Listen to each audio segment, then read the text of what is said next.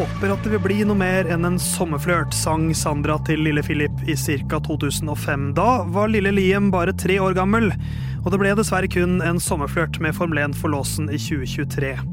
Men er det håp om ny romanse i fremtiden? I luke 14 funderer vi litt rundt Liam Låsen, sin sesong og framtid.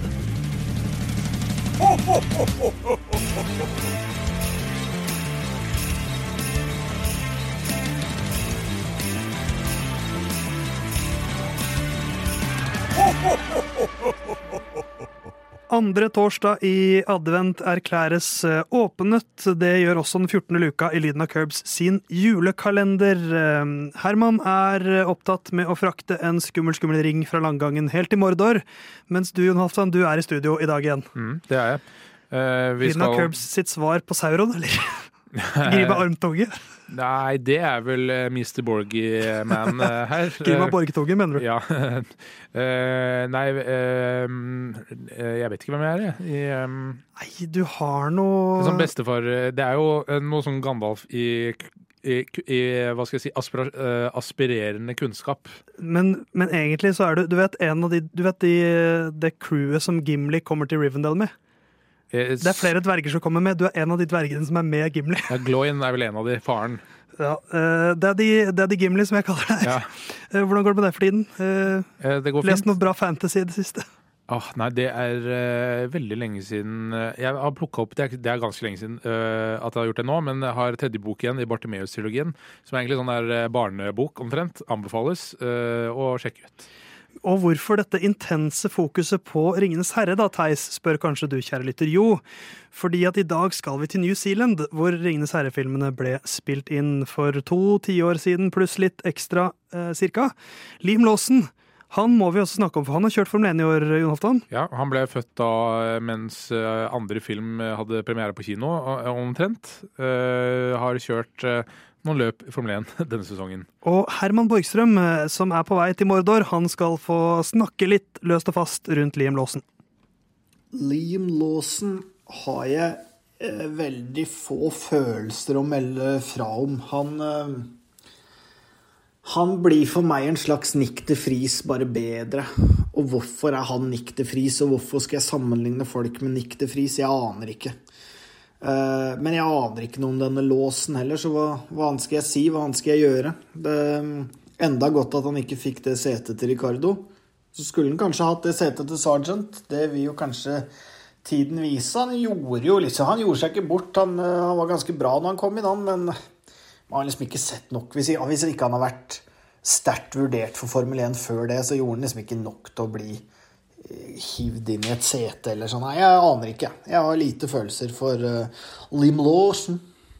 Vanskelig å, å liksom vurdere så altfor mye rundt ikke så veldig mange løp, men det som er litt interessant med Liam Lawson sin karriere, er at hvis vi ser litt sånn bakover tid de siste årene, så har han, han har kommet langt opp på folks anseelse uten å egentlig vinne så veldig mye. Eh, Formel 3, han vant noe løp, men han ble nummer fem sammenlagt. Ja, det var litt fordi han var en del uheldig osv., men fortsatt vant eh, ikke noe mesterskap der. Ble nummer fem i hans siste Formel 3-sesong. Eh, Formel 2 ble nummer tre i hans siste Formel 3-sesong, nei, Formel 2-sesong. Ehm, så han har liksom Og så har han plutselig snubla litt inn i en Formel 1-bil i år. Etter å ha vært testdriver i fjor. Kjører fem løp, og blir nummer ni i Singapore, og også da nummer elleve i Italia, nummer elleve i Japan, 13 i Nederland og Qatar. Der ble det 17.-plass. Det er hans foreløpig da siste Formel 1-løp. Høydepunktet her i år, Jon, det er jo poeng i Singapore Grand Prix. Ja. Enkelt og greit. Eh, og i litt større, hvis vi zoomer litt ut, at han har fått kjøre Formel 1. Eh, ja, hvis man ser sånn på det. Men med det første løpet tar 66 eh, av poengene eh, som eh, Sunoda har tatt til da i sesongen. Og ligger hva skal vi si, ett poeng bak til han må gi fra seg setet igjen. Så har, har vært en eh, bedre Det er bedre innhopp for Nykt, uh, enn Nykter Friis hadde i fjor, som likevel ga ham sete, men som ikke har gitt uh, låsen sete. Og det har nok noe med Red Bull-tilknytninga at han ikke fikk plass i Williams, men uh, likevel. For det nå har det skjedd i hvert fall to ganger da, at det har kommet inn en vikar fra aldersbestemte klasser, en hospitant for å si det sånn, som har liksom tatt nivået, sånn som Nykter Friis gjorde i fjor. Da så det ut som hans var knallgod, fikk poeng osv. Liam Lawson gjorde litt det samme, og med en gang en sånn rookie kommer inn som innbytter og har et par gode løp, så tar det altså helt av. Det er ikke måte på hvor talentfull dette individet er, og hvor åpenbart det er at han må ha kontrakt. Og det må jeg si, da blir han bestefaren som sitter og klager og er sur. Men jeg, jeg, var ikke helt med på hypen av Nykter Friis. Og jeg var ikke var helt med det? på hypen av Liam Lawson heller. Ja, jeg tror kanskje han har mer for seg, men jeg skjønner ikke helt hvor det kommer fra, det derre Selvsagt skal han ha kontraktnarrativet. Ja, men men Da skal vi bare kjøre rundt da med Kevin Magnussen og Nico Hylkenberg og Fernando Alonso framfor å la noen Nei, av de unggutta prøve seg. Men få da inn eh, de gutta som har vunnet Formel 2, istedenfor en som har vært helt OK. Ja, men Det er jo mer komplisert enn det. Jeg skjønner det. Og, og det er tilknytninger til diverse lag osv. som må åpne seg riktig plass til riktig tid i riktig lag. Men øh, jeg syns man var altfor trigger-happy med Nykter Friis eh, i fjor. Jeg syns man pælma man ut øh, for tidlig når man først har øh, trykka på den avtrekkeren. Da burde man holdt litt lenger på det. Liam Lawson har vist mye mer enn det eh, Nykter Friis gjorde i fjor. Der er jeg for så vidt enig, altså. Eh, og han fortjener på mange måter det setet mer enn Sargent, men eh, det, så ville det seg ikke, for det var ikke riktig sete som var ledig. Nei, det er mye politikk, det er det alltid. Um, og da kommer vi jo over til det naturlige bunnpunktet, da, som er at uh, han i går vel, eller forgårs, starta YouTube-kanal hvor uh, tittelen var 'I'm a YouTuber now'. Ja. Som jeg føler sier mye om karriereveien. Han har ikke fått noen Formel 1-kontrakt. Og det, han er 21 år gammel, um, er jo nå ute av Formel 2 etter at han uh, ble nummer tre der i fjor. Uh, Nico Rosberg er også uh, YouTuber, Ja. så eh, Ingen skam det, men, men var, det, var det det for Liam Lawson i Formel 1? Er det jo naturlig å spørre seg nå før, jeg. eh, Nå vet jeg ikke hva status er på tilknytninga til Red Bull, men eh, ja, det kan godt hende at det var det. Og det er ikke sikkert vi blir veldig lei oss for det. Altså, vi mister jo rookies eh, og talenter kontinuerlig ut av Formel 1. Hvor, eh, altså, det er ikke et nytt sete hele tiden eh, i Formel 1. Det burde kanskje vært. Vi har det F1 Academy som vel har overtatt W-Series-rollen.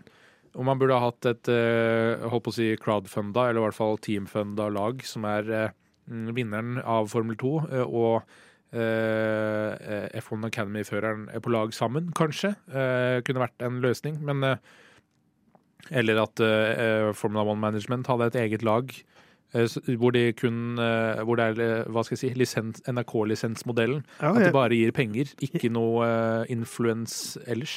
Ha en bil 21 på gridet, Ja. eh, som er reservert for Formel 2-mesteren. Ja, men jeg syns Eh, skal ha en Bil faktisk. 22 også, da, for den der eh, F1 Academy. Så vi får Ja, opp, jo, eh, faktisk. Ja. Så vi kunne hatt et fullt lag. Så himla mye penger koster det ikke i det store og det hele, med tanke på kostcap osv. Det her har laga råd til. Gene Haas vil jo selvfølgelig ikke bruke penger på det, men eh, de andre kunne kanskje tenke seg det. Så kunne det vært vedtatt at de liksom skal budsjettmessig være backmarkers osv., så videre, sånn at man sørger Ja. for at de liksom er baki der. At det handler om å gi erfaring, ikke nødvendigvis eh, at de skal være altfor konkurransedyktige. Men Liam Lawson skal jo da fortsette som eh, reservefører da, Mhm. for Red Bull og Alfa Tauri-systemet i 2024. Så hva Hva, hva Det er ikke umulig at vi får se han i et løp eller tre neste år, da. Nei, altså, Faktisk, Det er jo fire førere der han får håpe at knekker et håndledd. ja, og hvis du sammenligner med andre laga, så er det i Ferrari eller Haas, selvfølgelig. Der kan jo skje noe. Eh, Men Mercedes har ikke noe eh, ekstralag. Eh, McLaren har heller ikke egentlig noe ekstralag. Så han har størst sjanse for å få en plass sånn statistisk sett da, i, der han er som akademifører. Men eh, eh, vi får se. Så lykke til eh, på reisen, eh, lille Liam. Eh, Under juletreet mitt så ligger det en gave hvor det står fra Liam til Theis, og tror du ikke at der skjuler det seg eh, nøklene til eh, et hobbithus? Ja, ikke sant? Et sted, eller et hobbithull er jo riktigere å si. Ja. Et sted i New Zealand. Tusen takk, Liam. Veldig snilt. Ja, fordi jeg har da fått eh, 12 month eh, membership på hans YouTube-kanal. Åh. og så kickes det ut. Ja.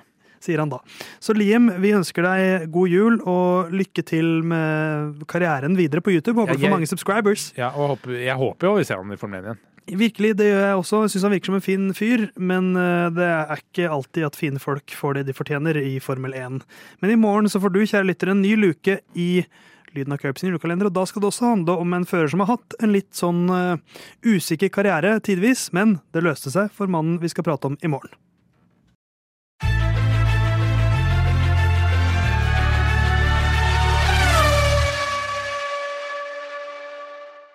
Good luck this weekend, Stroll. Thanks.